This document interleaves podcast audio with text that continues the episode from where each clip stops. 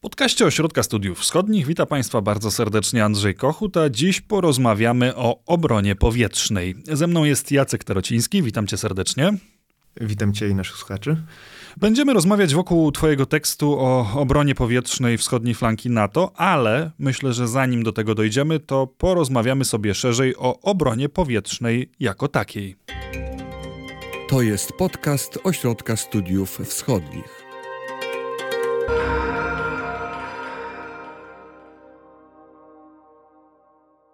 Pamiętam, że kiedy doszło do tragedii w przewodowie, bardzo szybko okazało się, że nasza społeczna wiedza o tym, czym jest obrona powietrzna, w jakim zakresie jest e, w stanie chronić terytorium danego państwa, jest bardzo ograniczona. I dlatego zacznę od pytania bardzo podstawowego: czym jest obrona przeciwlotnicza i przeciwrakietowa i jakim celom ma służyć?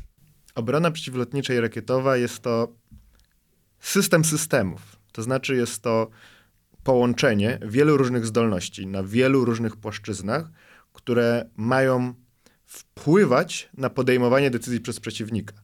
I tutaj jest największa różnica między popularnym postrzeganiem, to znaczy zwalczaniem wrogich środków napadu powietrznego, czy to samolotów, pocisków balistycznych, czy manewrujących. Tak, bo podstawowym pytaniem, które się wtedy pojawiało, było, dlaczego ta rakieta, która spadła na terytorium Polski, nie została strącona, czy to przypadkiem nie oznacza, że taka obrona przeciwlotnicza w ogóle nie działa, albo że nie zdała egzaminu.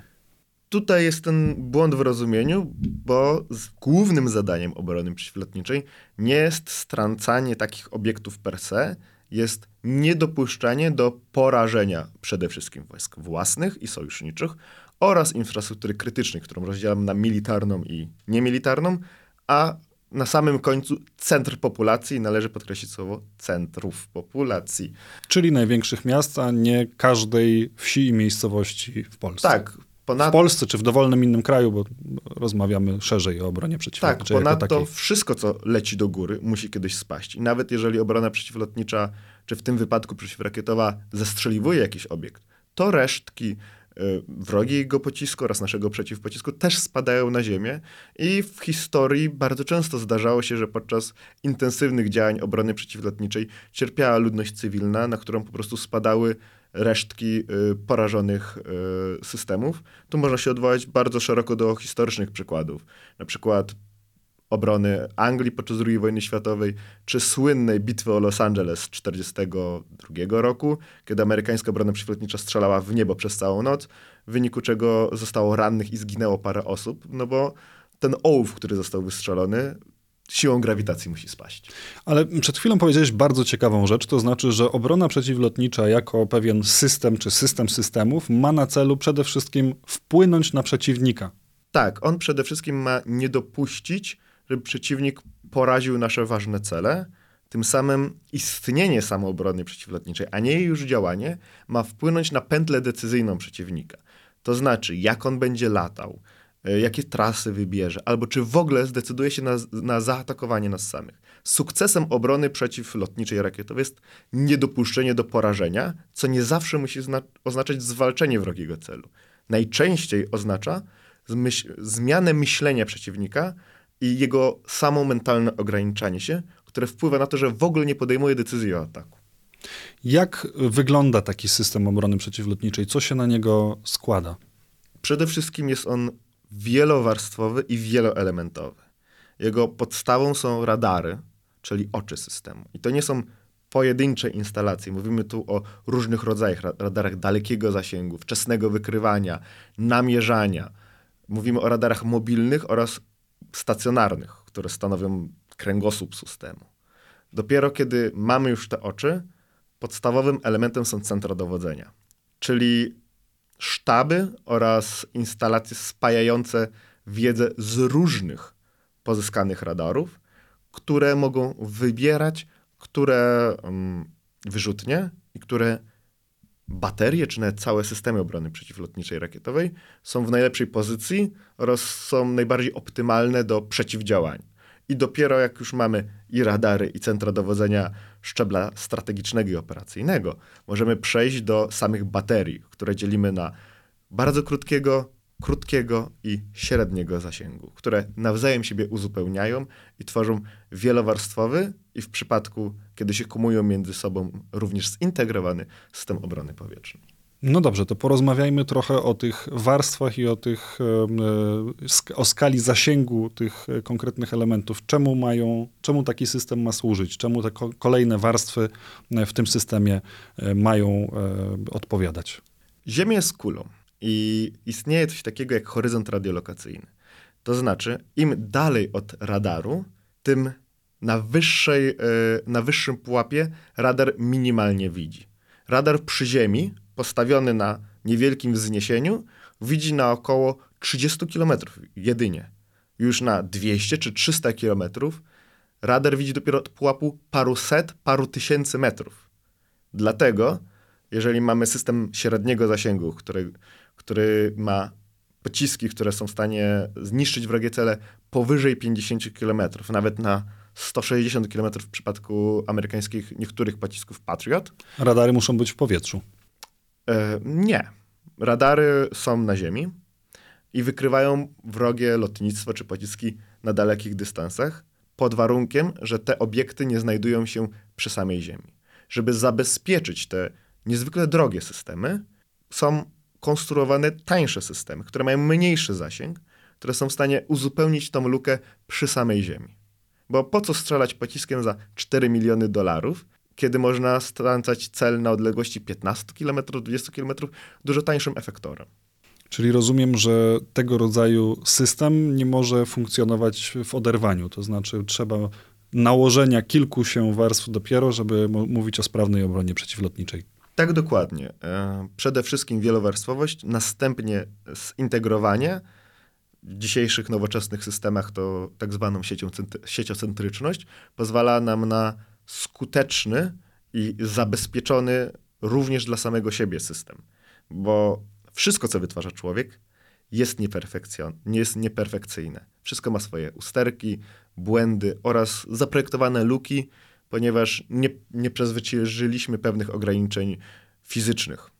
Dlatego, żeby bardzo drogie systemy średniego zasięgu, które mają niesamowite duże zdolności, nie były łatwo niszczalne przez nisko latające wrogie lotnictwo, należy ich obronę uzupełnić zestawami bardzo krótkiego bądź krótkiego zasięgu, które są wielokrotnie tańsze, mają również wielokrotnie mniejsze zdolności, ale jak już mamy system, który strzela na 160 czy 100 kilometrów, to możemy go uzupełnić systemem, który strzela na 30 kilometrów, żeby zabezpieczyć go od tego dolnego podejścia. Przejdźmy do tekstu, który napisałeś i który tak naprawdę stał się pretekstem do naszej rozmowy, tekstu dotyczącego obrony przeciwlotniczej wschodniej flanki NATO. Tekst jest bardzo szczegółowy, a zajmuje się analizą poszczególnych państw wchodzących w skład tej wschodniej flanki NATO i ja bym bardziej chciał zapytać cię o wnioski ogólne. Jak wygląda e, obrona powietrzna wschodniej flanki NATO w kontekście zagrożeń, które mogą przyjść na chwilę obecną? W tekście poruszyliśmy całość y, wschodniej oraz południowej flanki NATO razem z Finlandią i Szwecją, ponieważ państwa te są w drodze akcesji i spodziewamy się i mamy nadzieję na rychłe dołączenie. I niestety wnioski płynące z konfliktu w Ukrainie są takie, że to obrona jest niewystarczająca, a precyzyjniej mówiąc, jest jej za mało. Rosja prowadzi masowe zmasowane ataki środkami napadu powietrznego, czy to przy użyciu lotnictwa i wolno spadających bomb na linię frontu, czy to przy użyciu rakiet balistycznych, manewrujących, wystrzeliwanych z samolotów, okrętów i wyrzutni lądowych. I ilość wystrzeliwanych przez y, przeciwnika efektorów jest w tym momencie większa niż niektóre państwa w ogóle posiadają y, rakiet przeciwlotniczych. Co oznacza, że Rosjanie mogliby przełamać obronę czy, przeciwlotniczą. Czy każde inne państwo, które chciałoby zaatakować, tak? No ale to, to rosyjskie zagrożenie jest tutaj najbardziej realne, mogłoby ją przełamać po prostu ilościowo, powodując, że ten system stałby się bardzo szybko przeciążony e, i nie byłby już w stanie powstrzymać następnych nadlatujących rakiet. Dokładnie tak. I to nawet nie rakiet, tylko też nadlatującego lotnictwa. Jednak też należy mieć na uwadze, że obrona powietrzna, jak już wcześniej mówiliśmy, nie jest sama dla siebie. Ona jest również uzupełniona przez siły powietrzne. I o ile obrona przeciwrakietowa może zwalczać pociski balistyczne jako jedyna, Ale pociski balistyczne nie są jedynym zagrożeniem. Mamy też wrogie lotnictwo i pociski manewrujące, które mogą być zwalczane przez lotnictwo. Niestety, szczególnie kraje południowo-wschodniej flanki NATO nie posiadają również lotnictwa, bo jeżeli mówimy o krajach skandynawskich, one mają szczątkową, a w przypadku Danii nieistniejącą w ogóle obronę przeciwlotniczą, jednak posiadają one znaczące ilości myśliwców. Do końca tej dekady wszystkie te wszystkie państwa e, nordyckie będą posiadały samoloty F-35 i będą w stanie dzięki nim zapewnić sobie pewien e, poziom ochrony, oczywiście nie przed pociskami balistycznymi. Tak tutaj problemem stanowią państwa południowe, które oprócz tego, że posiadają szczątkowe zdolności w zakresie obrony powietrznej, to posiadają też skromne siły powietrzne. Rozumiem, że jest to efektem takiego przekonania, że e, zagrożenia tego rodzaju w znacznym stopniu odeszły do przeszłości, takiego przekonania, które panowało od końca zimnej wojny co najmniej. I to, co teraz obserwujemy, jest właśnie skutkiem takich wieloletnich zaniedbań. Czy w jakiś sposób wojna na Ukrainie stanowiła ten, ten, czy ten ostatni epizod, który obserwujemy od 24 lutego 2022 roku, stanowiła taki moment otrzeźwienia dla państw wschodniej i południowej flanki NATO i rzeczywiście widzimy, że w najbliższym czasie e, będą znaczące inwestycje w tym obszarze, właśnie w, w tych państwach, które obserwowałeś w tym tekście, czy przeciwnie, takie otrzeźwienie dotyczy tylko kilku państw? Procesy modernizacyjne zaczęły się już po 2014 roku. To otrzeźwienie przyszło po aneksji Krymu i wojnie we wschodniej Ukrainie, jednak nie było wystarczające. Wydaje się, że poszczególne państwa nie przewidziały aż tak dużej skali i w tym momencie trwają i rozmowy, i zapadają decyzje w poszczególnych państwach dotyczące e, zwiększania zdolności obrony przeciwlotniczej. Niestety nie dotyczy to wszystkich państw i w mojej opinii wciąż jest to niewystarczające. Wynika to głównie z problemów budżetowych. Obrona przeciwlotnicza jest jednym z najdroższych rodzajów inwestycji, jakie, może poczynić, e, jakie mogą poczynić dane siły zbrojne. Przez co wydawanie kolejnych miliardów dolarów może być trudne dla uzasadnienia w polityce wewnętrznej. Natomiast jest kilka państw, które wskazujesz w tekście, które podjęły taki wysiłek modernizacji swojej obrony przeciwlotniczej. Myślę tutaj o Polsce, ale też o państwach skandynawskich, które jeszcze do NATO nie należą, ale właśnie, jak wspomniałeś, do tego NATO zmierzają. Na wskroś całej północno- i południowo-wschodniej flanki NATO najbardziej się obecnie wybija Finlandia, która prowadzi metodyczną modernizację swoich systemów przeciwlotniczych, przeciwrakietowych już od pierwszej dekady XXI wieku i jej y, nasycenie, to znaczy ilość poszczególnych systemów jest, trudno powiedzieć, że duża, ale jest wystarczająca. Bo to jest przede wszystkim problem y, krajów flanki.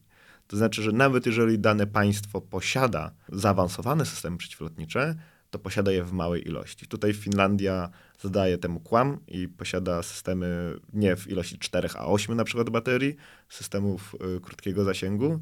No i drugim takim przykładem jest Szwecja, która posiada jako jedyna w pełni wielowarstwowy y, system składający się z zestawów bardzo krótkiego, krótkiego i średniego zasięgu. Niestety tych systemów jest relatywnie niewiele, a już trzecio wymieniona Polska jest najambitniejszym krajem, bez wątpienia. Nasze plany modernizacyjne robią wrażenie i są one wynikiem wieloletnich analiz yy, prowadzonych przez siły powietrzne RP, które nie zaczęły się w momencie wybuchu wojny. Trwają jeszcze od pierwszej połowy zeszłej dekady. Polska konsekwentnie stara się realizować swoje plany.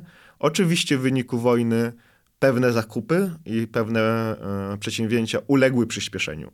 Jednak budowa, która została już zaplanowana i jest realizowana, będzie trwała co najmniej do końca obecnej dekady i trudno cokolwiek przyspieszać, ponieważ staramy się w Polsce zbudować bardzo duży, wielowarstwowy, zintegrowany system obrony przeciwlotniczej siłami własnego przemysłu przy współpracach zagranicznych i to po prostu zajmuje czas.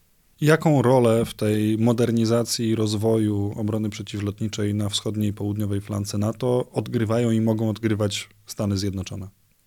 Odgrywają kluczową rolę, bo są dostawcą e, sprawdzonego w boju systemu obrony przeciwlotniczej, przeciwrakietowej, czyli Patriot, który jest systemem średniego zasięgu. Oczywiście są alternatywy techniczne. To znaczy jest francusko-włoski SAMP-T, zwany Mambą, są systemy izraelskie, takie jak e, David Sling, ale jednak Patriot jest dominujący, jest najbardziej zaufanym systemem. Znaczy jest to system sprawdzany już od pustynnej burzy, który przechodzi kolejne pakiety modernizacyjne. Właśnie teraz y, Amerykanie modernizują i stanowisko dowodzenia, wprowadzając zupełnie nowy, zintegrowany system, który stanowi rewolucję tak naprawdę w obronie przeciwlotniczej i rakietowej, który Polska również adaptuje jako pierwszy zagraniczny użytkownik. Jednocześnie i równolegle do sił zbrojnych USA y, ten system dowodzenia jest wprowadzany w Polsce oraz y, wprowadzany jest nowy radar do systemu Patriot, który zwiększa jego zdolności wykładniczo.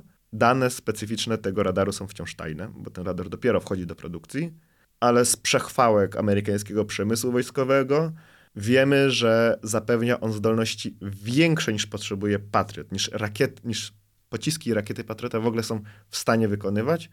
To znaczy, jak e, mówił jeden z przedstawicieli producenta, ten radar jest w stanie widzieć satelity. Czyli coś, co wychodzi poza możliwości koncepcyjne w ogóle tego systemu. Oraz są wprowadzone nowe pociski, takie jak PAK-3 MSE, które są jednym z najbardziej zaawansowanych y, pocisków przeciwrakietowych świata w tym momencie. Ponieważ sam zacząłeś temat e, patriotów, to e, trochę go pociągnę, ponieważ rzeczywiście chyba mało jest tak osławionych medialnie e, instalacji wojskowych czy systemów wojskowych, jak właśnie wspomniany system Patriot, który i w Polsce się pojawił, ale ostatnio pojawiły się informacje, że pojawi się również na Ukrainie. Jakie jest jego znaczenie? Mam tutaj na myśli, jaka musiałaby być ilość takich patriotów, żeby zapewniły niezbędną ochronę. To zależy, ponieważ nie istnieje jeden system Patriot. To jest cała rodzina, która jest modernizowana od 30 lat i powstała gigantyczna ilość podwersji. Mamy całą gamę w tym momencie już ponad chyba 10 różnych pocisków do Patriota. Sam Patriot y, ma też dwa różne radary i teraz wchodzi trzeci, o którym przed chwilą wspominałem, a różnych typów stanowisk dowodzenia też jest więcej niż trzy.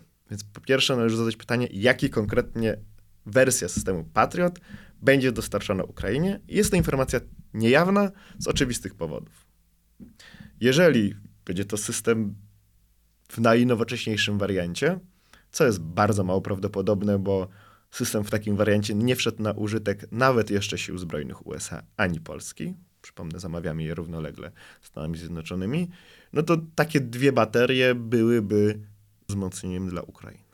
Jeżeli mówimy o systemie Patriot w wersji generacyjnie starszej, no to te zdolności są mniejsze, ponieważ do obecnego wariantu Patriota radar wykorzystywany przez te systemy nie był dookulny, to znaczy nie widział w, w, zakresie 360 stopni, był to radar sektorowy, który patrzył tylko na pewien wycinek nieba, co wymusza użycie więcej niż jednej baterii naraz, aby zapewnić y, pełne pokrycie. Amerykanie e, system Patriot do wersji 3 używali w składzie całych batalionów, czy tam dywizji, jak to mówi, y, batalionów w nomenklaturze amerykańskiej, dywizjonów w nomenklaturze polskiej, które ma cztery baterie, żeby, zapełnić, żeby zapewnić sobie pełną ochronę. Te nowsze wersje Patriota już nie potrzebują aż tak dużej ilości, jednak raczej nie będzie to nowsza wersja Patriota przekazana. Bardzo dziękuję za te wyjaśnienia. Jacek Tarociński był gościem podcastu Ośrodka Studiów Wschodnich. W tym miejscu również bardzo serdecznie polecam lekturę tekstu Jacka, który już prawdopodobnie w momencie, kiedy Państwo tego słuchacie, znajduje się na stronie Ośrodka Studiów Wschodnich. Stosowny link postaramy się zamieścić w opisie. Dziękuję ślicznie. Wysłuchali Państwo podcastu Ośrodka Studiów Wschodnich. Więcej nagrań można znaleźć na stronie www.osw.waw.pl.